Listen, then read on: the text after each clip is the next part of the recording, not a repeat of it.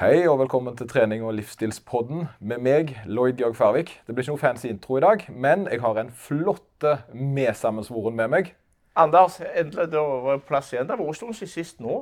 Ja, det er nesten, nesten to uker uh, siden sist, Uh, fordi jeg har jo vært en liten uh, mellomdestinasjon. Vært borte ei lita uke. Jeg føler jo litt sømmeløst da, siden fredagene. De, de kommer jo uansett. De. Så Flow-messig så føler jeg jo at vi har gjort en ganske god jobb. da, for Vi spilte jo inn da i eh, flotteste Oltedal spesial. eh, Og så eh, kom jo den episoden ut til vanlig tid på fredagen. Den har vi for øvrig fått uh, mye fin feedback på, Anders. Eh, Det var mange som syntes at den var ekstra gøy. Ja. Det er jo litt fordi vi gjerne ikke hadde så mye studier med igjen, men mer eh, opplevelser fra gammelt av. Kanskje det. Jeg fikk jo et spørsmål eh, når jeg var eh, på, på fest, da, som seg høre bør. Når jeg feira etter, jeg hadde vært, etter det hadde vært konkurranse i, i Spania, om hvor mange studier jeg leste i snitt til dagen. Og da ble jeg litt svar skyldig, da. Men det kommer jo litt an på, selvfølgelig. Men det blir jo litt. Ja, ja, ja, det begynner vel å bli et par. Men det, det fungerer jo her, og det fungerer jo på jobben din. Så eh, føler du at det er en del av jobben din å lese studiet? Eh, eh, Ja, altså, Det begynte jo faktisk egentlig som en interesse, vil jeg si. Det å ville lære mer og være tryggere på egne bein. Jeg har jo alltid vært eh, veldig veldig hardt ramma av imposter syndrome. Vet ikke om du vet hva det er for noe? Eh, Jeg har hørt om det tidligere. Jeg klarer ikke definisjonen. Nei, for det, du, du er nok ikke det, men jeg, jeg har alltid slitt litt med det. det. Og det er den her med at en føler egentlig at en ikke eh, er god nok til det en holder på med. eh, Og at en egentlig bare skal snart bli tatt Fake på it till you make it. Nei, det handler mer om at en snart skal bli tatt på fersken. Ja, okay. Du skal ikke være der. Du skal ikke holde på med dette. Du, eh, liksom at, eh, så du, du er ikke du med, altså du er ikke kvalifisert til dette, på en måte. Ja. Men så sier jo papirene og resultater det motsatte ofte, men, eh, men det trenger jo ikke å sove over. Eh, Fordelen min med å ha en sånn type mindset, da, det er jo det at da leser jeg jo, og så prøver jeg jo å eh, tilegne meg kunnskap, så at jeg slipper unna det stempelet som jeg sjøl har lagt på meg. da. Ja, Når går det over? Det stempelet? Eller går det over? Nei, altså, Jeg har jo planer om å leve ganske lenge, så eh, en, jeg tenker det blir iallfall en dag mer enn så lenge som jeg kommer til å leve. ja, ok, greit. Så når det forsvinner, så forsvinner det syndromet òg? kan være at det viskes litt ut ifra problemsituasjonen min da. da. Det, Men eh, det, den tid får, får vi se. Vi får se. Eh, hvordan eh, går det med deg, Anders? Veldig bra. Vi har hatt eh, oppstart med ungdomsgjengen på uh, treningssenteret, eller treningsrommet i Olta. Der jeg har jo sagt lenge at eh, jeg har lyst å bli med. Altså kostnadsfritt, selvsagt. Det er jo det virkes for godt til å være sant, vil jeg si. altså. ja, nei. Eh, Jeg har lyst til å være med ungdommen for å gi dem noe som jeg følte jeg mangla når jeg begynte å trene. Og Det var bare litt grann råd, litt grann veiledning. Eh, hvordan gjør vi de forskjellige tingene. Så jeg hadde nå en eh, 10-15 ungdommer som kom og hadde lyst til å bli med på dette. her. På, det var i går senest. Vel, i går? Ja, ja, ja, så ja. Men det er jo, da er jo rimelig ferskt i minnet. Det er det. Så, eh, og de var med, og, det, og da hadde jeg litt grann den der instruktørrollen som vi har snakket om. Ja, Der jeg kan bli med og vise eh, Fortelle dem hva som er meninga. Altså, så hadde jeg whiteboard, ei tavle, så kunne jeg skrive på tavla hva er trening. Jo, ja, men jeg, jeg har jo fått vært det må jo, Jeg må, må gå rett inn i denne. Jeg må stjele deg litt der. For Ja. at, eh, du har jo siden sist òg hatt førstehjelpskurs for mine ansatte Mhm. her på PT Service. Eh, for det er, da, det er jo noen ting du gjør i, i din stilling som uh, i brannvesenet. Ja. Uh, og det må jo må du applaudere på en måte. Litt sånn, Hvis det er lov å klappe på podkast, men, men, men det var altså en veldig, fin, eh, veldig fint kurs. Og hvis det er noen der ute som trenger en dyktig kursholder, så vil jeg forklare hvorfor han var flink. Eh, fordi jeg, med da imposter syndrome? Får, jeg brukt igjen, så. Får jeg brukt igjen. Det er det at eh, Min største redsel er jo det at jeg plutselig skal være i en situasjon der jeg ikke vet hva jeg skal gjøre. Og det er jo da spesielt i en situasjon der gjerne en trenger førstehjelp, altså hjerte- og lungeredning og sånne typer ting. da. Eh, og, og det som du klarte med det kurset, Anders eh, For jeg har jo vært på sånne før. Det er jo ikke sånn at jeg aldri har vært på sånne kurs før. Men det ditt kurs eh, klarte å lære meg, var jo eh, å gjøre meg trygg på, altså, å gjøre meg trygg på da at med den kunnskapen på den lille totimerskurset du hadde, så følte jeg meg ganske trygg i enhver situasjon. Eh, ikke fordi jeg nå kan alt, men fordi jeg skjønte hvor lite jeg trengte å kunne for å være til hjelp. Mm. Uh, og at det er andre folk som er mye bedre enn meg til å gjøre de viktige rollene i en sånn setting. Da. Så da følte jeg på en måte at vet du hva, nå kan jeg faktisk tilby noe i en situasjon der det faktisk er, trengs uh, for å være med og i alvorlige hendelser. da, og Da snakker jeg ikke om at du har persa i knebøy, liksom. men... det er ganske alvorlig, det òg. så, det, så det vil jeg jo bare si at det var da et det, Også formidlingsevnen din da er jo det vi har på en måte snakket om her på huset. da, Det var det at du fikk fram, uh, fikk fram Du formidla uten at det ble tørt eller kjedelig, og at det ble egentlig veldig interessant å høre på. og uh, jeg synes jo det at det, det, at det, altså, det, det å kunne være litt tryggere på seg sjøl i en sånn setting, for min del, var, er veldig viktig. da. Uh, og, og, det, det, så det må jeg si, takk for. Jo, jo, supert. Jeg, jeg, vet ikke om det henger helt i sammen, men altså, det med trening òg, uh, eh, og livsstil òg for den saks skyld, det handler litt om hvordan virker kroppen.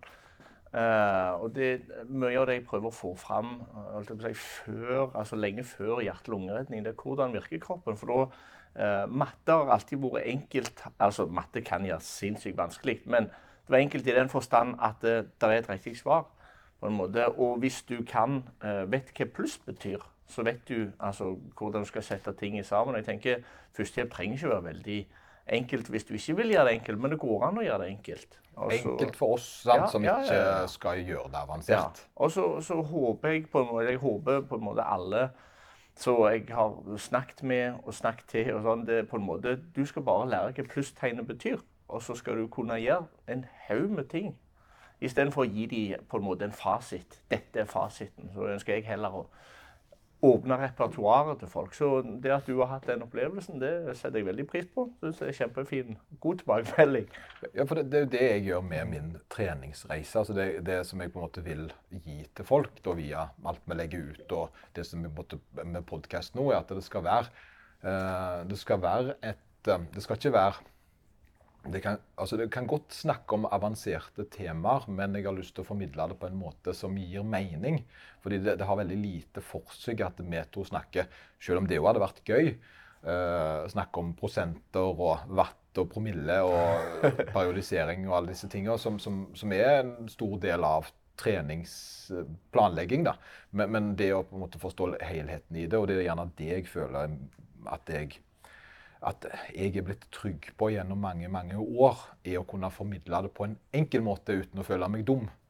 Eh, mm. Fordi jeg ser ofte at når folk skal formidle ting eh, relatert til trening, så lurer jeg på hvem er det du formidler det til? Fordi når du forklarer det på den måten, så er det ingen som trenger å høre det, som forstår hva du sier. ja, ja, stemmer det. Ja, nei, det, det, det er en kunst. Uh, i, mange, i, i, alle tilfeller. Det å gjøre ting som kan gjøre vanskeligere, prøve å gjøre det enklere. Der, uh, ja, Du har jo vært min coach òg, så det, jeg setter veldig pris på den. og kunne dumme det ned, sånn at jeg òg forstår det. ja, kan det dumme det ned, men jeg syns det heller er en, kunnskap, det er en, det er en viktig kunnskap å kunne formidle det sånn at en person som gjerne ikke har gått i dine sko, skal forstå det. da. Mm. Og det, og det som er også, eh, Jeg husker det var sånne ting jeg ble formidla det var noen som sa til meg da jeg var liten en gang, og det, det, det, var, Jeg ble lurt, da. Jeg ble lurt. Men, skulle, men, det var jo lurt på en god måte. Så det er lov, det òg, ser du. Da vet jeg, jeg vet ikke, Skal vi gå videre med den samtalen? nei, nei, det som var da, det var det at jeg jobbet jo som eh, sommerjobb. Eh, og det, Dette hjelper gjerne ikke på oppbygginga heller, men, men, eh, men, da var det jo dette her med å få eh, At jeg skulle vaske. Det var jo det jeg skulle gjøre. altså Jeg skulle skrubbe en, en kai. Dette var jo da et uh, industriområde der vi da skulle skylle vekk uh, og rydde og styre på. Uh, og da var det en av de der basene da, som sa at kongen kommer senere i dag. Så du må få det til å se riktig ut. Sant? Og da var jeg jo ung nok til å tro at kongen skulle komme. Ja. Jeg var ikke gamle karen, for jeg skulle jo bare ha penger til is. Ja. Men jeg jobbet jo som, som bare det for at sant? kongen skulle komme. Og dette var jo, da var det jo veldig viktig at det skulle skinne. da. Uh, og så skjønte jeg ikke at han mente det billig. Så jeg ble jo skikkelig sur når kongen ikke kom. kom og skulle se på vasken jeg hadde gjort i Ytre Sogn. Hvor er kongen? Hvor er kongen? Kommer med båt, kommer med helikopter. men, uh, men uh, det handler jo litt om det om å gjøre en liten forinnsats. da. Bare mm. gjøre, gjøre, det tilgjengelig for de som skal, skal forstå. Ja, for, for det finnes så mye. Altså, det finnes massevis av Hvis du ser på sosiale medier nå, det, altså Instagram og TikTok, alt det der Der er så mye å altså, prøve å favne om. Så det å bare ha noen som sitter og plukker Den er på en måte riktig, den er riktig, og så bare distribuere det. Ja, ja og, det, og det, jeg tror det, det finnes jo mange fine profiler som på en måte gjør akkurat den jobben der. Og så finnes det jo forskjellige nivåer av profiler, og så finnes det jo selvfølgelig profiler en virkelig ikke burde høre på. Uh, fordi de driver med litt snake oil. Um, så, så det, og det syns jeg jo er litt dumt at de gjerne Men, uh, men jeg lurer jo ofte på Ja, hva lurer du på? Om snake oil det er referanse til Flåklypa. Dirty tricks? Å oh, nei. nei det, ja, det kunne vært det. Det, det er jo han jeg, jeg, det plages jo, Jeg plages jo over at jeg ikke Altså I den settingen der jeg er med i løp, så føler jeg meg mer som skurken i Flåklypa enn helten. Vi ser mer ut til han. Oh, ja. ja han der, han der blodstrupmoen. Ja, okay. ja, for han er jo sånn samme øyenbryn og store øyenbryn og mørk Høy, mørk og kjekk? Ja, ja, Det var akkurat det jeg ville. Fortell om din opplevelse med ungdom. Kjempe. Det er Altså, det, det er jeg syns det er kjekt å komme inn der som jeg sjøl husker jeg sjøl har vært en eller annen gang. Og så når jeg stiller forskjellige spørsmål, så, så svarer de jo. De svarer jo rett ifra levra. Det de, dette er det vi har hørt. Da er det riktig. Det er jo OK. Uh, vi, skal, vi, deler inn i grupper, så så jeg at de skilte seg automatisk. Det var Jentene gikk bort der, og guttene gikk bort der. Så sier jeg er dere ikke venner? Kan, er dere ikke sammen? Og så er det den ene som sier å jo, nei, men uh, guttene trente jo overkroppen, og damene trente føttene. Altså, nei, det er vel kanskje ikke helt Men det, var, det liksom det er det vi har vokst opp med, det, det vi tror. Alle gutter står på sida. Mm, stemmer det. Ja, for det, det ble jo benk og biceps. Eh, og, og, og det, det, er veldig vanskelig ofte altså, å trene og, være. Og den sliter jeg jo med sjøl, akkurat den der med å formidle til, til en ungdom. da. Eh, du må trene over hele kroppen, eh, fordi det er veldig viktig for deg. Og så kan en gjerne si dette her med tynne bein og sånt, men jeg har jo lange bein, så jeg, får jo gjerne litt den der fysikken som blir Jeg burde kanskje vært et skrekkeksempel der, da. Men fordi jeg har veldig lange Eh, armer og bein fra naturens side, så det forsterkes jo hvis det er lite muskler på. Så får du den der potet med fyrstikke som, som, gjerne ikke Men når du da ikke er når du, Og det da på en måte kommer inn som 40 pluss og skal forklare til en ungdom at nei, nei, nei, nei det er ikke biceps og bryst som er greia her, eh, det er hele kroppen, bla, bla, bla. Så det, det, hva gjorde du da? Nei, jeg, jeg, forteller dem at, jeg prøver iallfall å fortelle dem at hele kroppen. Du trener hele kroppen. Du kan ikke trene én ting, og så skal du trene den samme tingen i morgen. da. Går ikke det. Så, så, så, prøver jeg å forklare at vi trener. Vi prøver så godt vi kan å trene hele kroppen. Og så, om du husker det? Ja, det, ja. Batman sier jo der at uh, skipper ikke legg deg. Ja, ja. Så jeg sier jo det at Batman skipper ikke legg deg. Nei, det var sant, det. Ja, han gjorde ikke det. Veldig bra. Det, men der ser du, dro du inn referanser. sant? Det var mye bedre. Det var allerede der så kom du forbi meg. sant? Så det, det var lurt å ha en Batman. Det, det... ja, sant? Batman ikke stiller Veldig godt poeng. Han, han skipper ikke legg. Det har jeg sett. altså. Stemmer det. Er, er det én som ikke skipper legg så er det han. Ikke sant. Vet du om noen andre uh, superhelter som ikke skipper legg tror du? Bane. det var så resolutt Jo, det er sant. Det er jo Bane. Han skipper ikke legg. Nei. Nei. Nei, okay, men det er en referanse til det ikke alle som vet. Klarer, klarer du å herme at uh, Bane har du den derre? Uh, så Oi, oi, oi. oi, oi. Ja, ja, ja. Det er godkjent. det er godkjent. Ja, ok. Det, det, jeg høres ut som jeg høres ut som jeg blir liksom, liksom Yoda når jeg skal prøve. Men OK, jeg prøver ikke. Prøver ikke. Doctors is your ally. Oh, nei, nei nå, nå, nå, ser du her nå. nå, nå er vi. Jeg skjønner at du appellerer til et, et annet segment enn jeg treffer. da. Oh, ja, okay. Og dette funka? Funka veldig bra. sånn at Så ble vi enige om nå skal vi egentlig bare eh, Hva er det vi gjør? Hvorfor gjør vi det? Og, altså, hva, hva muskelen gjør for noe? Hva de forskjellige musklene gjør. Og da har jeg at det, altså, prøver jeg å forklare at uh, musklene si, de brukes, de trekker ting til seg. altså Biceps trekker armen til seg, triceps drar den ut igjen. altså Det er en oppgave, det. Og så ser det ut som de begynner å forstå liksom, hva de forskjellige musklene gjør for noe. Og så skal vi trene dem. Så har vi trent litt. Ikke alle musklene, men vi har delt opp. Så trente vi noen da. Alle ville starte med armene. Så. Selvfølgelig vil, altså, det, det, det, skjønner jeg jo. Men det, det, som jeg har tenkt litt på da, For jeg har blitt litt sånn Ofte når en blir eldre, så blir en litt, uh, litt teite på det. Ja, ja, og for jeg likte det med Batman. Det likte jeg, det synes jeg var en veldig god ting. Men så, men så, så var det, en, det var egentlig en samtale jeg hadde i går som jeg har, eh, som jeg har lyst til å lufte litt for deg. Ja. Og det er dette her med eh, Du klarer jo ikke å få en ungdom til å trene for helsa. Det- Nei, altså, nei, nei, nei. Du, Nei, du, det- du skal bli frisk. Og, altså, det, det ikke argumentet der er jo helt tullete. Eh, og, og, men det som fungerer gjerne, det er jo at du kan klare det for forfengelighet. så, så, og da mener jeg det at det, det er jo en, eh, et par kjekke her som trener, og de, og de sier jo det at eh, er- altså de, for, de er ærlige nok til å si at de utelukkende trener for, for, for, for forfengelighet. da. Eh, og jeg mener jo at selvfølgelig ikke at ungene skal trene for forfengelighet, men om de trener litt grann dumt i starten, eh, og eh, på en måte får prøvd seg litt fram i, i, i, feil retning, hvis du ikke klarer å overbevise dem der og da, men du må jo selvfølgelig prøve sånn som du gjorde da, eh, så tror jeg vel uansett at det å få inn en god treningsrutine og lære seg noe der, eh, er bedre enn at du tvinger dem til å gjøre noe de ikke har lyst til, for da slutter de jo. Ja, jeg, er helt enig. Jeg, jeg, jeg har tro nå på den. Altså, I en sånn alder så, så tror jeg den forfengeligheten råder litt. Men jeg, jeg legger det ikke opp sånn hvis jeg skal fortelle deg et eller annet. Og, men når du bruker Batman som referanse, så er det ikke pga. han ikke har hatt influensa på tre år. Det det er jo Drakten hans skriker jo ikke 'jeg har en god lever' eller et eller annet sånt. Nei, Egentlig så er vel kanskje ikke Batman sånn helsemessig eh, den profilen som, eh, som eh, han, han, han har jo fått litt gjennomgang. Han får si sånn OK, men vet du hva, det er voksne folk som hører på. Altså, det, det, det, det du ser, er jo at det, han ser helt greit ut. Han ser godt ut. Veldig godt. Der har du forfengelighetspoenget. Det er Men, for, så hvis du bruker sånne eksempel, så, så er det, da liksom, det er det folk tenker. «Å, ja, sånn ja. Da skal jeg òg det. Så, eh, og det funka jo.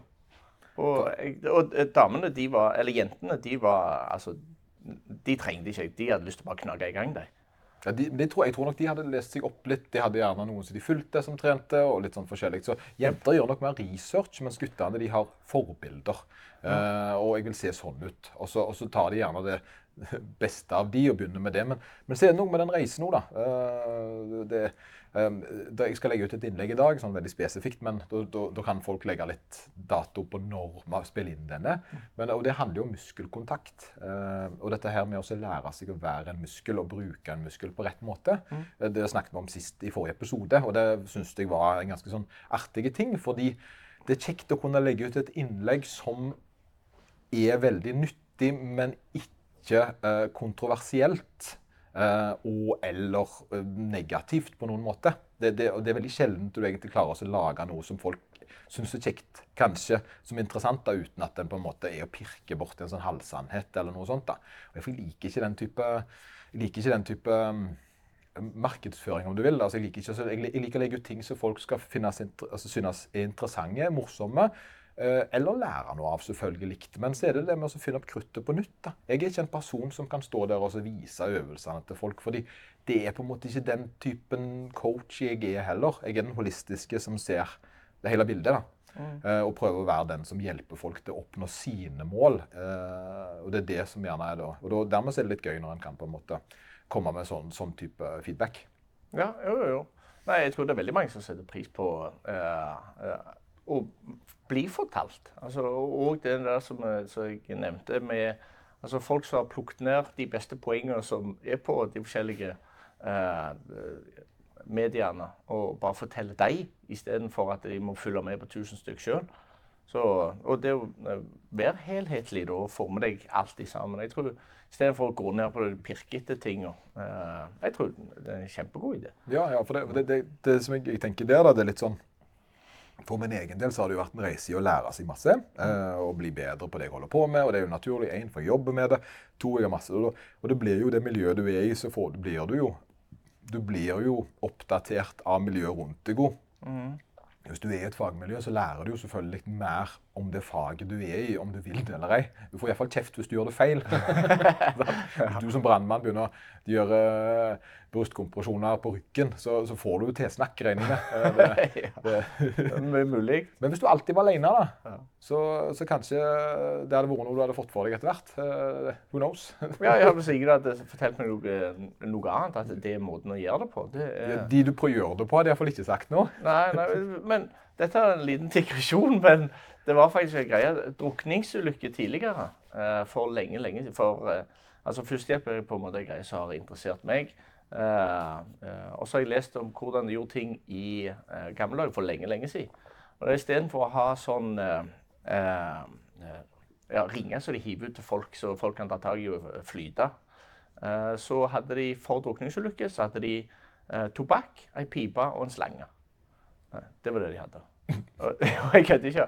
Eh, så eh, det de brukte det til, det, det var når, Hvis de dro opp et drukningsoffer, så eh, satte de fyr på tobakken oppi pipa, da. Og så blåste de røyken gjennom røyren, som gikk inn i rumpa på den som hadde Nei! Jo. ja, men Nei! Jo, jo. Så, og, eh, så det er sikkert en eller annen en gang som egentlig ikke har drukna, han har bare fått litt vann i seg, så har våkna skikkelig til når han har fått den der slangen her. Men da har det på en måte blitt en sånn der utbredt Sikkert en eller annen luring som har sagt jo, se her, vi fikk jo liv igjen, da prøver vi dette. her. Så er de bare satt ut, så er det satt i system. Og så liksom Ja, eh, vi kan jo ikke klage med Altså, de, gjorde det det verre? Det er vel det som er spørsmålet? Jo, jo. Det, jeg, nei, jeg vet ikke om du gjorde det verre. Det kan jo ikke bli så mye verre. Nei, det men, verre for de som egentlig ikke har drukna. Men det er, jo, det er jo noe med det at hvis du bare setter i gang et eller annet og later som det er en sannhet, så kan det fort bli akseptert fra folk som ikke vet bedre.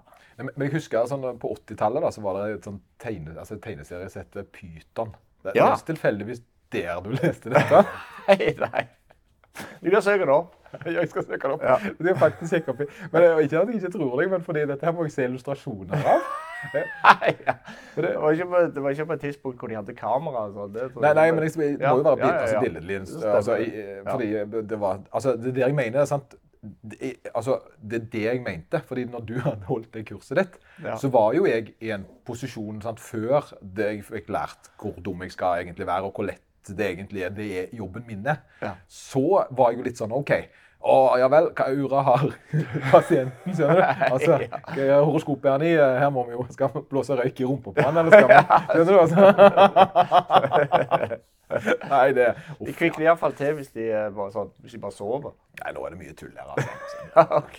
Det, men det, det er jo ikke det greit, da. Jo, jo, men det, det handler om research. Ja, ja, sant. Jo, jo, men altså, noe, noe har jo vært sannhet en gang. Det er jo det jeg Ja. mener. Og, og, det der må jo fornye det litt òg, da. Og det, og det merker jeg jo av og til litt frustrerende, fordi det er jo mange sannheter. Og det for eksempel, det med, med Malaga er jo et eksempel på der eh, gamle sannheter har blitt skrevet om av meg. da. Jeg har jo faktisk lagt eh, lagt, eh, altså, Det har jo skjedd mye positivt der. Men, men fortsett ferdig, selv om vi hopper jo fram og tilbake hele tida. Det er veldig vanskelig for folk å få med seg hva vi snakker om. Men hvordan gikk det? da? Ble de inspirert? Eh, Hva syns du om eh, rollen som instruktør på et treningssenter? Spør du nå? Ja, nå spør jeg. Ja, OK. Nei, jeg syns det, jeg synes det er egentlig veldig kjekt. Altså, men da, altså, bakteppet mitt er jo at uh, jeg følte alltid at jeg mangla et eller annet. Så jeg gikk jo ganske lenge og bare prøvde å finne på ting sjøl. Så bare den lille tanken uh, i bakhodet at uh, jeg, de her kommer til å få det en del lettere nå framover. Og eh, eh, altså det, forhåpentligvis så eh, bidrar de til at eh, sin vennegjeng igjen òg kan, si, kan, kan, de kan gjøre det enklere for dem.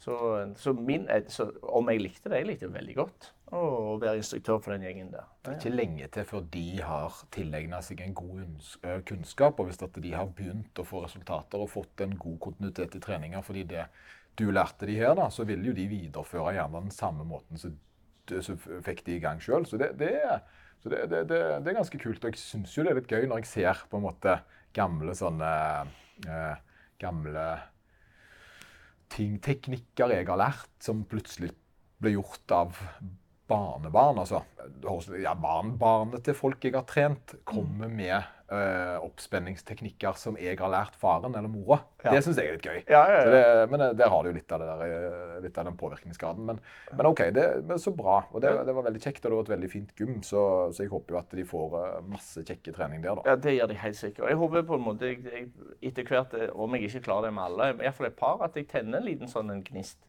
At de har kanskje lyst til å undersøke, så kan det være de finner ut at vet du hva, det han sa var ikke helt riktig, sånn og sånn er det. Men da har de undersøkt. Det er jo kjempefint. Så kan de komme med tilbakemelding. Litt sånn som førstehjelpskurset ditt. Du ga meg nok til å komme i gang. sant? Og hvis det, er- det kan være nok for meg, hvis jeg ikke skal liksom gå mer inn i da den reisen og bli mer utvikla innenfor uh, akuttsituasjoner. da, at det, det det er jo alltid lurt også, gjerne. Sant? Men uh, hvis en ikke har interessen for at, eller ønske om å være For noen brenner jo veldig for det. Da. Så, ja, så, men uh, det å på en måte ha en sånn basic forståelse for hva, det, hva jeg trenger å gjøre for å mm. klare meg, så, så, er jo det kjempebra. Yep. Og det var jo det jeg skulle spørre deg om. da. Det til det der, for jeg, dette har vi jo, fisk, jeg har jo fiska litt. Ja. Uh, men jeg har ikke turt å snakke med deg om det før nå, fordi jeg følte at dette måtte være litt autentisk. Oh, ja. for det skjedde jo noe på, det skjedde jo noe på kurset som jeg syntes var veldig morsomt. Uh, og jeg har litt lyst, lyst til å spørre deg om, om det er vanlig. Kom igjen. ja. Vi har jo en, eh, jeg har en kollega her som, ja. Eh, som heter Jevgen, som er veldig veldig flink. Ja. Det skal være sagt. Er, han er utrolig dyktig. Mm -hmm. uh, men han er jo, han var jo, jeg tror nok han ville være klassens beste elev. Uh, og er det vanlig, Anders, at kursdeltakerne dine har med egen førstehjelpsdukke? Nei, det er svært, svært sjeldent. de, de, fleste pleier å uh, vente til den instruktøren kommer. Så han har som regel, han eller hun har som regel med seg eget utstyr. Men jeg synes det er kjempefint. Det viser jo at han er interessert når han har med seg eget utstyr. Han øver sikkert hjemme på greier. Men det gjorde han jo. Ja, han, øvde, han, øver hjemme på det. Han øver ja, ja, på komposisjoner hjemme. Eh, også, men så er jo Ukraina, da, så han hadde jo litt andre artige ting som, eh, som han hadde kommentarer om. Det, jo, men det er òg et sånt fint input. De gir ting på en, de kaller ting litt andre ting, og så gjør de ting på en litt annen måte. Men eh, det ser jeg òg på, altså på driller som blir utført i altså, de taktiske enheter kontra enheter som, ja, som altså bare en det som blir lært ut til menigmann, det er litt forskjellig. Det er litt forskjellig fra England til Norge til Amerika. Så. Så det at han kan komme med input, er jo kjempefint. Det, det er ikke vanlig. Men det er kjekt når det skjer. Ja, jo. jeg tenker spesielt da, Ikke bare hadde han med seg egen førstehjelp, men han hadde ja. en ganske sånn fin en som jeg tenker kanskje er litt sånn kulturforskjell. da. Ja. Eh, eller hvordan en har, gjerne, hvordan en har vokst opp. Sant? Uh, ja. tenker gjerne på folk som, bor, som, har vokst opp på Hundvåg eller Sandnes, hvis du tar den uh, men, men uh, det da hvordan du skal gå bort til noen som er bevisstløse det var jo, Du går inn, du, du skulle vise at du skulle gå til sida, ta armen ut, mm. sånn at det var lettere å snu etterpå. Han var ikke helt enig i det, fordi han var litt redd for å bli rana. Så, så, han måtte, hadde en litt annen måte å gå til. ja, ja, ja, ja. og, og det er gjerne ikke noe jeg er så redd for, at hvis det skjer noen som faller om her inne på PT Service, at de skal rane meg. da. Ikke bare raning, men det, det, er ikke, det, er ikke, det som eventuelt tar livet av noen, det er hvordan du nærmer deg. Det, altså, så lenge du klarer å opprettholde egensikkerhet noenlunde, så tenker jeg det skal gå rimelig greit. Uansett hvor du kommer inn. Så du tar dem på sida, sånn at du klarer å fiske ut lommeboka lettest mulig? Det... Stemmer det. Nei, det var litt morsomt. Ja, nei, jeg, jeg, har ikke sett det, for det er men hvis folk har lyst til å ta med seg uh, si jeg og oppblåsbar dokke, så må bare det. Ja, ja det, så det er lov. altså. Bare mm. vet dere det at Hvis dere er på førstehjelpskurs en gang, så er det, det er ikke oppmunt, du oppmuntrer ikke til det, men det er greit hvis du tar med egen. Ja, ja, vi kommer ikke til å bruke det, men hvis, hvis du er, Altså, det er greit hvis folk har sjøl, så kan de øve hjemme. Ja, det er bra. det er godt. Ja, ja. Men er, jeg tror det er lurt å øve. Man, for det mener, her, nå, Vi tuller litt her, men, men, samtidig, han øver faktisk. For det kan være ganske tungt å holde på uh, med kompresjoner. Ja, ja, ja. ja. Jeg, jeg, leste Jeg er midt oppi ei greie der vi skal prøve å fremme forskjellige fag, bl.a. førstehjelp, men òg alle de andre typer altså fag. Vi har redning, uh, vi, har, altså, vi har dykking, vi har uh, altså, alle typer redning. Tauredning, bilredning, hurtigfrigjøring, alt det der. Men uh, mange av de tingene jeg har prøvd å finne ut På hva tidspunkt begynner dette her å Det begynner å bli såpass lenge siden at du ikke er veldig flink lenger. Så jeg leste noe som heter Skill DK, eh, og der sier de det at eh, tre måneder Du skal helst ikke gå lenger enn tre måneder per gang du, altså mellom hver gang du trener. det. Så hvis du har, Og det gjelder hjerte-lungeredning òg. Altså, da, fokuserer du kun på hjerte-lungeredning, kanskje ikke så mye på den, altså resten av førstehjelpen, men kun den ene tingen. Eh, tre måneder imellom. Såpass, ja. helst gå før du bør trene det igjen for å opprettholde en grei kvalitet. Og Det tror jeg er overførbart til trening òg. Ja, altså det som jeg tenker med en gang sånn, uh, altså, Det er vel en av de få kursene som, mm. som jeg ikke har lyst til å bruke innholdet av. Eh, det må jeg jo si først, da, men jeg, men jeg er jo enig med det å vedlikeholde ting. Og, og, og ja, det, det, det å var å bruke et sånt ting som, som Når jeg studerte og skulle bli terapeut, så var det jo veldig mange latinske ord en skulle huske. ikke sant? Mm. Eh, og eh, det husker en jo ikke hvis en ikke bruker det. Og en blir jo av og til veldig imponert hvis, når folk snakker der. Men jeg, had, jeg merka jo når jeg var i en terapeutstilling, altså når jeg da jobbet ved siden av kiropraktorer og fysioer, var nødt til å skrive liksom en epi, ep, epilog, nesten, sant? altså måtte skrive litt informasjon om hva jeg hadde gjort. da så var det jo behov for å bruke det. Og da kom det jo veldig lett tilgjengelig, og da holdt de det jo. Men nå hadde jeg ikke klart å beskrive det på den måten lenger, fordi det har vaska ut. Eh, men jeg tror det er litt sånn Det er ikke så viktig heller, da. Eh, eh, I min setting. For førstehjelp så er det jo gjerne noe som da burde ha altså Vi burde nesten hatt en fast ja, men jeg, eh, altså, det fins eh, innenfor uh, førstehjelp òg altså, Det fins massevis av fremmedord du går an å bruke. Altså, du går an å bruke fremmedord på det aller meste. Men jeg tror ikke det er noe altså, Det er ikke hensiktsmessig å bruke de ordene som du har lært på skolen. Og heller ikke det som jeg har lært på et par av kursene. På grunn av altså, hva er det de gjør, de ordene? Ingenting. Altså, det, det, eneste det eventuelt kan gjøre, er på en måte du kan klappe deg sjøl på ryggen og se alle de flotte ordene jeg kan. De ja, for du, du, kan ingen av dem. Nei, så, så, liksom, det, det, har ingen eh, hensikt å bruke de vanskelige ordene, tenker jeg. Ja, og det er jo det som er. for det for, for, og der har du en sånn liten påminnelse som kan forklare deg litt hvordan jeg kan bruke det i en setting som handler om å trene folk. da. Mm. Uh, og det er jo da at en, uh, at en Når du kommer inn og blir trent, eller skal trene i starten, så er det jo ikke veldig viktig for deg å huske hva øvelsene heter. Alle øvelsene. Det viktigste er at du gjerne lærer deg navnet på de du trener, og at det kommer med tida. Fordi det du på en måte gjør, det, det vil du jo etter hvert huske. Da, men at, det, eh, at, du skal gå rundt og ha en sånn eh, hel katalog av øvelser i hodet ditt når du ikke egentlig har noe behov for det, er ikke nødvendig. Og en trenger iallfall ikke føle seg dum fordi en ikke vet det. Og det er det ofte folk sier dette burde jeg visst. sant? Men akkurat som jeg skulle gått inn til frisøren Nå gjør jeg ikke det ennå, altså jeg glemmer det ut. sant? Men jeg vet jo ikke hva saksetyper de har. eller, altså Jeg vet at de har saks, det vet jeg, men jeg vet jo ikke hva sorter. og Jeg vet jo, altså, jeg har jo ingen fornaring om de tingene der. For det er jo det at det er Hvorfor skulle jeg vite det? Eh, det har jo ikke noe ja. hensikt for meg. Jeg vet bare at de skal fikse håret mitt. Mm. Og, det samme, og det holder gjerne for noen å vite at de skal trene, og da skal de gjøre det og det og det. Så det, det er ikke nødvendig å sette seg mer inn enn en sjøl ønsker. da. Jeg, jeg, jeg fortalte jeg var ikke hos frisøren i Trondheim. Nei, fortell. Jeg var ikke frisøren i Trondheim. Det var en liten digresjon der, men jeg kom på det fordi at eh, frisøren skal klippe håret, sier du. så var frisøren som sto bak meg og så rufset meg litt i håret. Så sier hun men skal jeg ta av? Så sier jeg alt utenom trusa. Øvla litt til fantasi. Så var jeg den eneste som lo. Oi! Ikke spesielt. Nei, nei men, men det, det, var, det, det, var det, det, det tilbød ingenting annet enn hårklubb. Nei, det, gjorde ikke det. altså. Nei, det, men jeg, det som er så fint med deg, Anders, det er at du er jo kjent for å slippe unna. Eh, fordi du klarer å si det på en sånn måte at alle forstår du tuller. Eh, utenom her, da, tydeligvis. For du har en, en, en genuin evne til at folk skjønner at nå tuller han bare. Du ser det på hele deg. Ja, det er veldig eh, det, Jeg tror iallfall du ser det. Ja, jeg ser det iallfall. Ja. Det. det kan jeg gjøre. Men uh, De skriver notater i dag, tror jeg. altså. Det er, det er bra. Men jeg er uthvilt. Altså, jeg er ikke uthvilt. Uh, skal vi snakke litt om uh, spanjoles? Oh, yes. uh, jeg er ikke uthvilt fordi um, folk som kjenner meg og hører på, vet vel gjerne det at jeg har prosjekter. Uh, liker å ha ting å gjøre på. Gjør mye greier. Og, men jeg er jo en optimist. Det er min superkraft, det, det å være optimist. men jeg tenkte jeg skulle på ferie, jeg. Ja, det, jeg sa det til deg. Det blir ikke ferie. Nei, og, men der er det det med naiviteten òg, da. Så, så, tenkte jeg ja, vet du hva, selvfølgelig skal jeg på ferie. Nå skal jeg slappe av. Å, jeg skal gjøre så masse kjekt. Jeg skal sant, og lage videoer, jeg skal skrive innlegg og, sant, og bare slappe av og se film. Skal se masse film. Mm. Uh, og så reiser jeg jo da til EM for veteraner, der jeg har fem utøvere. Uh, der jeg har ei kone som skal løfte.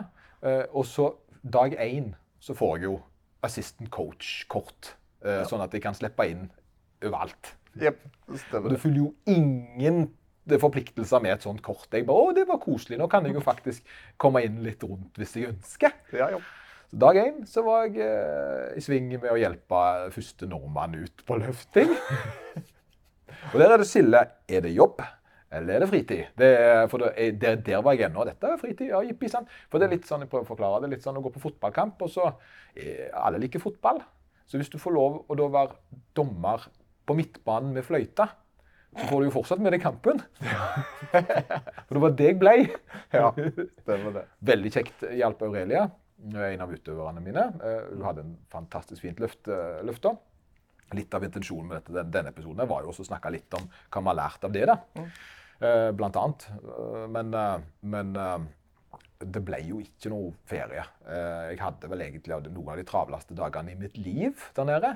Og ikke sånn om at det var negativt, egentlig, men det var jo ikke noe tid til å gjøre noe annet enn det som sto på bordet. Eh, Så, så jeg kom jo hjem igjen med ei større liste av ting som må gjøres enn jeg reiste med. Så jeg fikk jo ikke rydda unna noe, for å si det sånn. Så nå er jeg i en sånn rar situasjon. Jeg vet ikke om folk kjenner seg igjen der, men eh, om du kjenner deg igjen. Men jeg har så mye ting jeg skulle ha gjort på jobb, at jeg skulle fått fri fra jobb for å få gjort jobben min. Sånn er det. Ja. Jeg har lista, men det er litt sånn sidejobbrelaterte ting som vil gjøre jobben min bedre, som jeg ikke kan gjøre fordi jeg jobber. Ja. Der er vi nå. Der er vi nå. Og da, blir det veldig travelt. Og det er jo som du sier i dag òg nå altså Vi har jo to minutter etter podden er ferdig til jeg skal være med på neste prosjekt. Så, men det, det er jo ikke negativt. Det er jo jeg sjøl som har valgt dette greiene her. Men jeg er jo nødt til på et eller annet tidspunkt å lære meg å enten forvalte tida mi bedre, det er vel kanskje det jeg må gjøre, eller sette meg rammer for hvordan jeg bruker tida. Det, det er vel en annen ting, da. Men eh, Malaga var bra. eh, til tross for at det ikke var ferie. Og du husker den der helga du skulle være hjemme alene når kona di skulle ut på et eller annet? Når du bare skulle slappe av, du skulle drikke kaffe i åtte timer eller et eller annet. Ja, det, ja, det ble jo ikke det da heller. Da, da, da, da ble jeg jo sur. Ja. Fordi litt av problemet her nede da, det var det at jeg hadde jo øremerka dette som ferie. Mm. Så, så det tok meg jo noen dager før jeg innså at dette ikke var ferie. Det tok meg faktisk litt tid. Uh, for det, vent nå litt. Dette er jo ikke ferie. Jeg gjør jo det jeg alltid gjør. Bare at nå får jeg ikke betalt for det. ja, ja, stemmer det. Men OK. Sånn er livet. Det, da lærer vi av det. Og så, så var det greit. Men eh, det var masse fine opplevelser. da. Det var Utøverne mine gjorde det veldig bra. Eh, da, og, og, og hvorfor gjorde de det bra? For Nå har vi snakket om det tidligere med konkurranse. Det å, å gjøre seg klar for å yte når det gjelder. Eh, og ha en god plan. Eh, ha, se på det som et delmål som skal sjekkes av. Sørge for at selv om det er EM her, for er jo, for mange av de er jo det største de har vært med på. Så det å da på en måte sørge for at det er realistiske forventninger til hva de skal gjøre, da. Det resulterte jo at f.eks.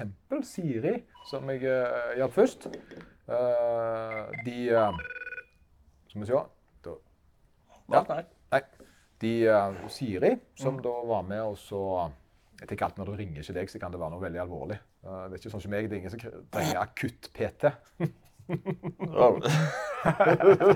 I need one step. Et Ja, ja, kan haug. være så akutt du vil. I'm on eh, fire. I need, uh, I need pushups. Og blod.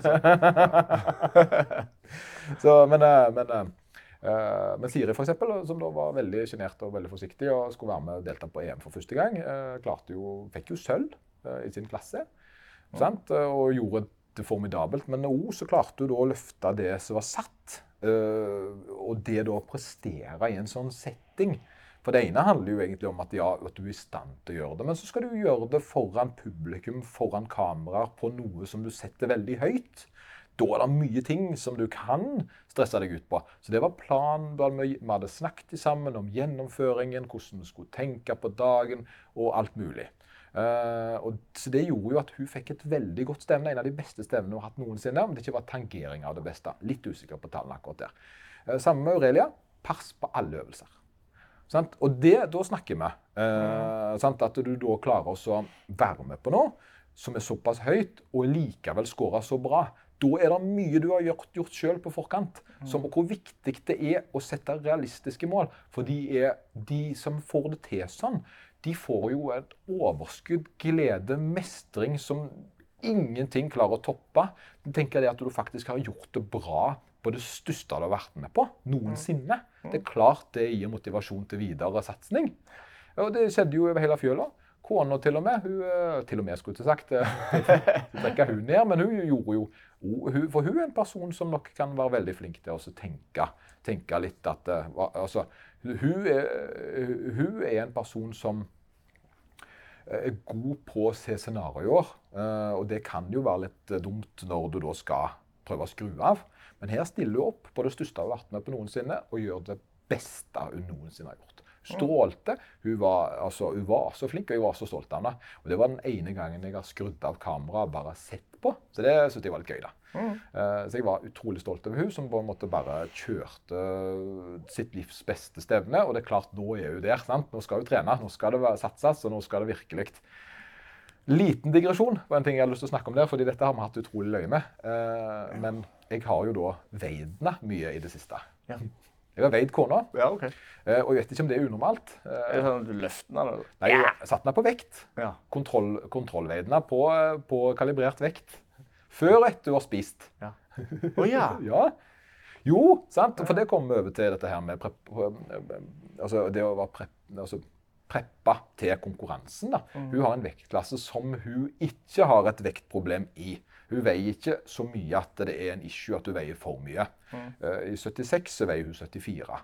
Så da kan hun egentlig ha ganske stor.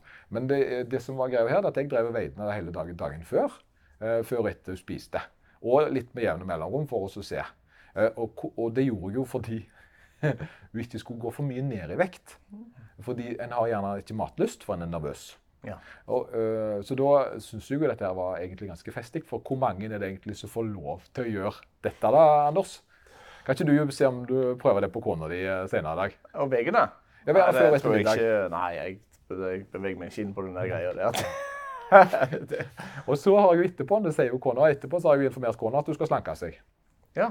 Og nå ble folk litt sånn Hva sa han nå? Ja, ja, okay. jeg, jeg, egentlig har jeg ikke sagt at du skal slanke seg. Jeg har sagt enda verre. Jeg har sagt at du skal ned i fettprosent. Ja. ja, ja. Men igjen, jeg er coachen hennes. Mm. Så jeg er jo en av de få personene som har en eller annen innfallsvinkel der som er, er forklarlig. da, Og før folk blir dritforbanna her, så skal jo være med på NM om en syv ukers tid. Uh, da. Og uh, det som er greia, da, det er at nå har vi jo lagt litt i overskudd mm. for at du skulle ha best mulig evne og kapasitet og trykk på denne konkurransen her. Og det er klart at i da perioder der eh, altså Den kan gå sakte, men sikkert opp i vekt og skape bra resultater. Eh, men hvis den spiser litt for mye, eh, så vil den da legge på seg en unødvendig høy fettprosent, som gjør at det, at det, vektklasseproblem, at det blir et vektklasseproblem. da. Så det en da gjerne skal gjøre, eh, første fasen av da før NM nå, for henne er jo at hun da skal spise litt med høyere proteininntak og få ned fettprosenten bitte litt. Og så går i overskudd i siste ande, sånn at du mm. får bygd godt trykk opp mot selve stevnet uten at du egentlig går noe særlig opp i vekt. Fordi det, er det en gjerne ikke tenker på, da, det er at eh, altså hvis du har optimalisert teknikk, du veier det samme, eh, og du har den samme fettprosenten, så er det én plass du kan bli sterkere, det er det mentale. Uh, det er jo logisk. Mm. For du har mange faktorer her. Så du kan gjerne bli flinkere å utnytte de musklene du allerede har, men det å bygge deg sterkere, da, det er faktisk ofte en kostnad der i form av økt kroppsvekt. Mm. Så, så, vi vil jo optimalisere kroppen ut ifra hva vektklasse du skal være i. Så jeg er da en, en av de få som har fått ja, til skamme når jeg har nevnt at de skal jo, jo, men altså, dette er for Jeg ser for meg at dette kan være en samtale eh, med tre personer. Altså, for det er Lloyd, og så er det eh, Therese, og så er det coach Lloyd. Ja, det... Sånn at eh, det, er ikke, det, er ikke, Lloyd som forteller Therese at det er på tide å slanke seg, kanskje. Det er coach Lloyd. Det er coach Lloyd. Som gir beskjed om at eh, her, må, her, må, det så Ja. Hvordan skal vi gjøre det best mulig neste, neste mm. vei? Det er da selvfølgelig den prosessen der, utenom trening da. Og, ja. Fordi også konsekvensen Her er litt av en annen konsekvens av For ja, en har treningseffekten. da. En trener bra, blir god på det, får gode resultater, har hatt en optimal treningsperiode før en konkurranse. Så kan du ødelegge den. Eh, og nå sier jeg ikke at Helge ødela den, men Helge var litt påvirka på en litt negativ måte av en ting som skjedde. Mm. Uh, Helge hører på, så derfor skal jeg skryte av han. Han er drittøff. Uh, fantastisk fin fyr. Uh, men det som skjedde her, sånn som jeg ser det, det var det jeg la egentlig merke litt tidlig, selv løfting, at han var litt flat. Og ikke sånn at han løfta betydelig mindre enn han pleier, men jeg opplevde at det ikke var den samme spruten i løfta. Og her snakker du om en person som løfter 270 i knebøy. Okay. Uh, så, så, og, det, og, han var, og han var smart nok til å velge riktige vekter, så det var ikke sånn at han um, uh, han var realistisk på høyningene sine, men de, han, kunne, han har i teorien kapasitet til å løfte mer og har gjort mer med tidligere anledninger. Så da er det OK, hvilke faktorer er det her, da? Hvorfor er det sånn? Fordi treninga har jo gått bra, og, og han har jo vist til gode tall på trening. Eh, men jeg la merke til at han var flat med en gang, og så så jeg på vekta at han var lettere enn han pleier. Ikke mye, men litt lettere. Og da snakker vi nesten en kilo. Og, og Helge er 93 kilo, og han er nesten over 93 kilo. Nå er han god å spise, flink å spise og sørger for at han ligger ca. rett på. Men dette er en person med lav fettprosent, som, som ikke, gjerne ikke har den evnen til å kutte så mye der før det egentlig blir negativt på muskelmassen. da. Uh, og det som det skjer, det er at er en, eh, og du kan jo da gjette sjøl hvor For det var jo egentlig veldig lett som objektiv part, for det var en av de gangene jeg bare satt og filma, ikke hjalp. Hva var det som skjer? Han, han får litt rare symptomer i korsryggen under løftinga, eh, og han blir å svime av i marken. Faktisk når han drar da for sølvet, som han får Han er- blir sølv, sølv Han vinner sølvet, og så blir det overturned by jury ti sekunder etterpå. Så han er sølvkandidat. Jeg mener en uoffisiell sølvmedalje, fordi jeg syns ikke det, det ikke Av og til har juryen feil, mener jeg. Ja, ok. Svimte han av etterpå? Svimte av rett etter løftet. Men det som skjer, setter løftet ifra seg, og så kommer blodet, og så sant? Og her er det OK, da. Hva tenker du kan være grunnen til at dette skjedde med Helge? Spesielt mye denne gangen her. Eh, Du, du tenker jo siden han har spist litt lite mat? Ja, altså det, det må jo være i forbindelse med maten, kanskje? Ja, Eller? altså, ja, altså At han har lite energi, skal vel egentlig ikke påvirke han i så stor grad at han Hvordan hadde han drukket noe? Det har du. Ja. Hvor var han hen? ja. Han, nei, han var jo på, eh, på stevne på scenen. Sikkert Ja, ja, varmt og ja. godt på scenen. Men hvor var han i, i eh, hva land? Malaga. Han var i Malaga. Ja, det var varmt og godt det var varmt og godt der. Ja. Ja, Hva gjorde han dagen før? Uh, jeg var sikker Nei, hvordan ligger han i vekt i forhold til vektklassen sin? Var på vei nedover? Ja, han, er, nei, han, er, han, er, han er midt på, sant? Men, det, Han har sikkert solte seg og slappet av. Ja, han har, ja, det har han jo gjort, men han har Mm. gjort det han, har gjort det han pleier i varmere eh, Ja, område. Sant? Så han har vært i 20 plussgrader, han. Ja. Så han har blitt dehydrert. Mm. Uh, og det er klart at da er symptomene veldig enkle. Sant? Og, det, og den lille der, da, den lille, det så jeg med en gang, den lille der, én kilo mindre. Sant? Han var ute i Malaga, gikk tur. Egentlig ikke noe unormalt, men han oppførte seg som han var i Norge. Han drakk ikke så mye som han burde. For hvor mye drikker du da når du er Det vet vi jo ikke. Vi er jo ikke gode på det når vi plutselig har 25 ekstra grader. Vi, vi, vi går jo ikke og da må vi ha så og så mye. Det?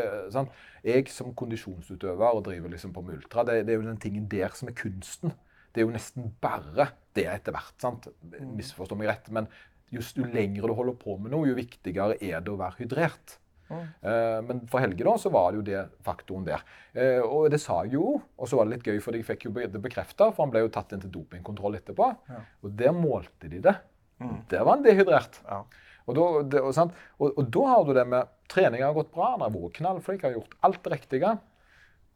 Men siste 24 timene så, sant, så var han i en annen setting enn han pleide. Han gjorde, ting, han gjorde ikke nødvendigvis ting annerledes, men han burde for en gangs skyld gjort ting annerledes. Fordi det var andre faktorer som kom inn. Eh, og der har du med hvor, eh, hvor detaljer eh, en eh, kanskje skal passe på når en skal være i best mulig eh, posisjon. da. En tyngre løfter hadde gjerne ikke blitt så påvirka av dette. Men når Helge allerede er såpass lav i fettprosenten og såpass nært der at, det, at han har ikke så mye å gå på, så, så, så er det vanskeligere for Helge. For han, han vil jo ikke drikke for mye, for da hadde han gått over i klassen i Norge. Sant? Ja, ja. ja. Så, så det, det er det jeg sier, da. Så da har du på en måte litt av eh, de småtinga som en gjerne ikke kommer på Som på forhånd. inn. Ja, stemmer. Men eh, trekk dette her over til uh, hvermannsen. Eh, dette med å altså, perse av og til. Hvor ofte skal folk perse? Ikke så ofte som de eh, skulle ønske. Nei. det er vel det som er greia. Og forklare ok, når skal en perse. da? Nei, en skal passe når en har uh, mulighet til det, selvfølgelig. Uh, men hva er persing? Det er det folk ikke skjønner. Det å sette ny uh, personlig rekord, det er en bekreftelse på at arbeidet du har gjort når du har trent så og så lenge, så har du hatt et grunnlag som du har bygd opp ved hjelp av tunge vekter som du har gjort på trening, eller masse løping, eller hva det måtte være. Og så når du da perser, så ser du om det har resultert i at du er blitt bedre enn det du var. Eh, det folk gjerne tror, det er at de blir sterkere den dagen de perser. Nei, den dagen du perser, så bekrefter du arbeidet du har gjort. Og da er jo spørsmålet, hvis du prøver å perse hver uke, da, hva er det du prøver å perse på? For du har jo ikke lagt noe grunnlag siden sist. Så, og så er det det at jo sterkere du blir, gjerne, jo sjeldnere bør du jo være oppe på de. Det ser en f.eks. med folk som løfter shout-out til back in the days himself, eh, som løfter 400 pluss. Han kan ikke løfte det en gang i uka. Det sier seg sjøl. Samme er det med folk som driver med maratonløping. De aller, aller fleste som løper så langt, de løper jo ikke så lange turer uansett. Altså, eh, de, de har ikke en maratonløpetur i, løp, altså i konkurransetempo. De gjør jo ikke det. De har gjerne litt kortere, de løper fordelt over uka i lavere tempo. Men de har selvfølgelig konkurransetrening for det, altså. Men eh, det er det jeg mener, da, at uh, en skal gjerne teste, teste når en har det, uh, og, da, og hvor ofte det. Litt oftere gjerne når en holder på å venne seg til sin egen kropp. Når en holder på å trene det newbie gains, som som vi så fint kaller det. Det er når du er helt ny. Fordi da trener du egentlig litt på å presse kroppen. Og, da er det ikke, og det er mange som tror at de blir sterkere når de begynner å trene. Ikke så mye, ser du. Det, er en veldig stor andel av det de, som skjer når de begynner å trene, er ikke at de blir sterkere, men de blir flinkere å bruke kroppen sin. Uh, og det, og det, er jo en, det er jo en egenskap som gjerne gjør at du kan pushe litt mer. da. Eh, det var hvor eh, For jeg tenker det, det med persing det har en del å bety for altså det, det psykiske oppi alt dette her. For, for videre trening. For at, hvor, hvor mye Altså trenger alle å perse? Hvor mye hjelper det for videre progresjon av det å perse litt av og til? Det er veldig viktig, det. Fordi at eh, der har du litt av det der. der. Hvis at en person aldri perser, da, uh, altså perser på seg med én konkurranse i året, så, så, så OK, da. Uh, hvor mye forventer du å, å flytte eh, din egen Skal du flytte din egen personlige rekord i knebøy med 50 kg, liksom? Det er jo det, noe folk gjerne ikke gjør på et år uansett. Men det er jo en eller annen mental grense på hvor mye du tør øke ut ifra hva du har gjort før. Sant? Så den, den er jo der. Men det som er fordelen her, når, du når du har hatt et sånt godt stevne som her, da, da, sånn som disse her, sånn som Monica og Therese og alle disse som har deltatt, Helge òg, for så vidt. sant? For han lærte jo noe, Uh, og han ble jo ikke skada. Så at eh, nå er det NM. Og det gikk bra sist, og det var potensial for mer. Så når de da fikk sjekke av den 2,5 eller 5 kilos løftet som de gjorde, så kan de gå over den igjen om syv uker. For det at Hadde de da hoppet for mye, 10 kilo opp f.eks., så hadde de da OK, uh, usikre hvor mye skal jeg gå opp nå, da? For 10 gikk ikke sist. Så da blir du plutselig uh, stangende imot. da. Eh, og, og når de da sier OK, jeg skal øke med 2,5 kilo på, på, på den knebøyen jeg hadde for syv uker siden, så har du plutselig flytta rekorden din på f- fem kilo på syv uker, egentlig. Mm. Og det er jo egentlig en ganske kort tid, selv om det er to ganger to og en da.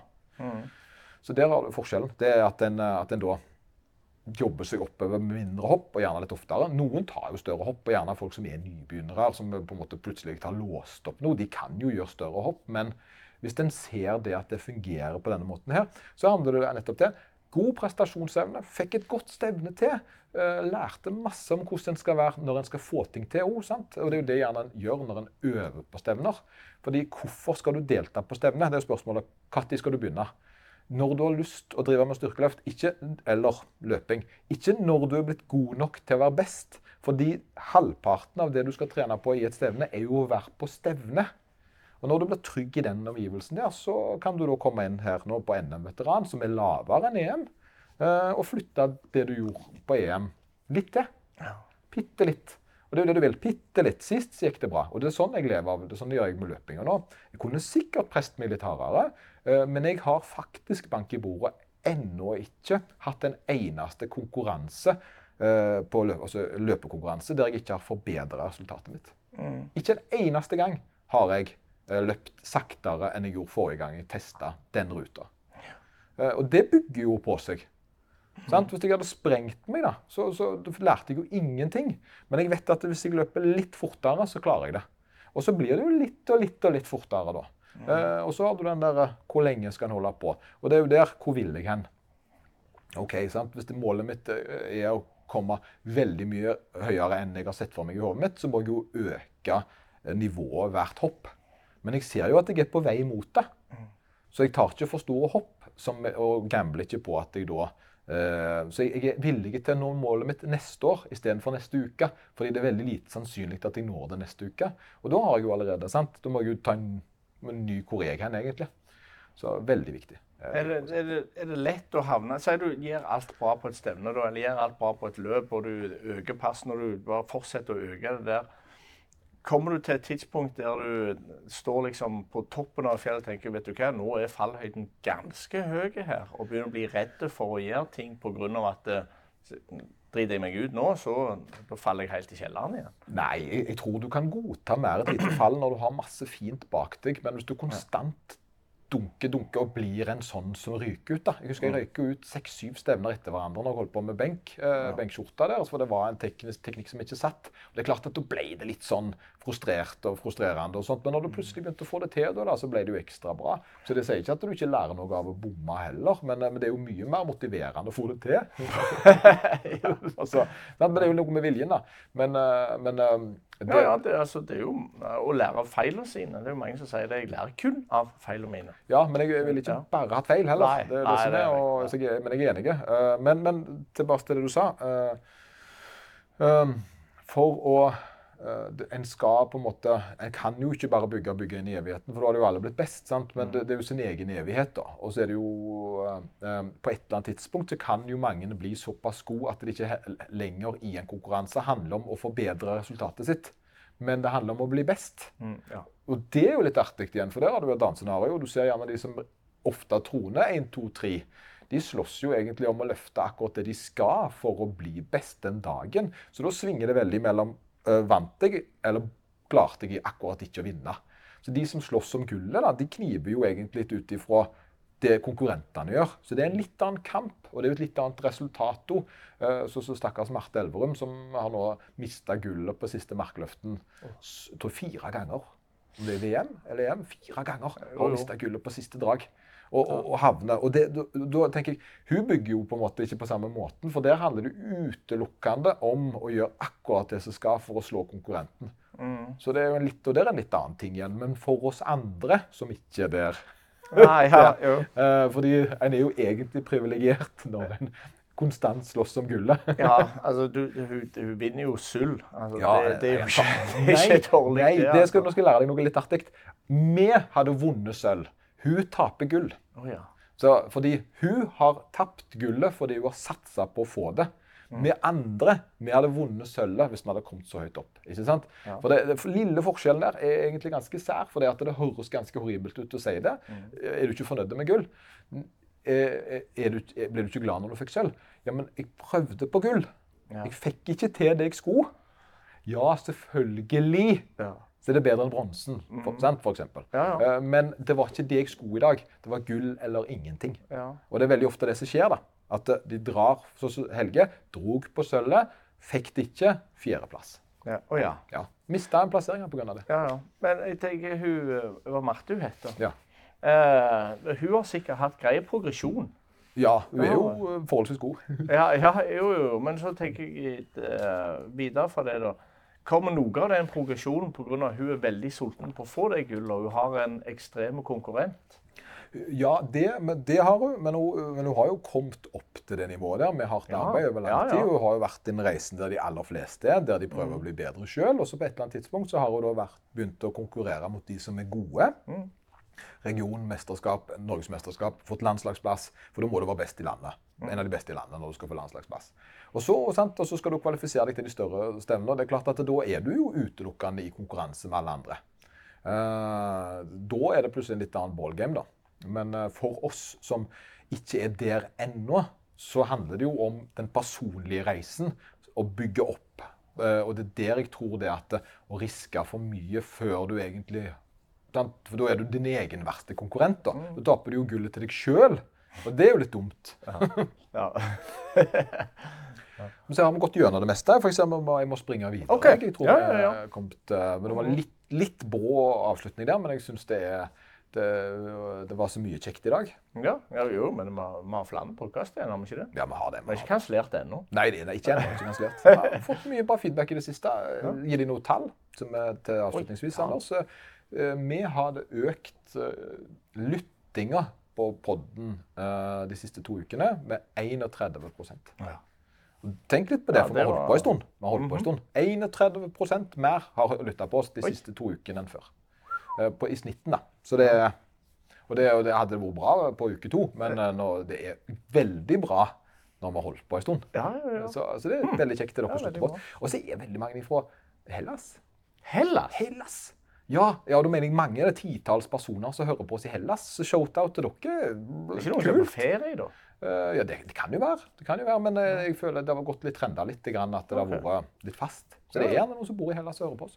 Så eh, jeg har ikke peiling. Kanskje informer om dere hørte på oss på stranda i Hellas, eller om dere bor der. Ja, ja. Snakker dere norsk? Who knows? Uh, jeg håper jo det. Det er greske gudene burde ikke det? Oi, oi, oi, selvfølgelig. Ja, ja, ja, det er jo de som hører på, sikkert. Ja. Ja, ja, Vil du kjøre av, avslutning? Uh, uh, like, uh, kommenter, del. Instagram, Facebook, TikTok. Er det flere nå? Nei. X kanskje? Twitter? Nei, jeg vet ikke hva det OK. Ha en strålende helg.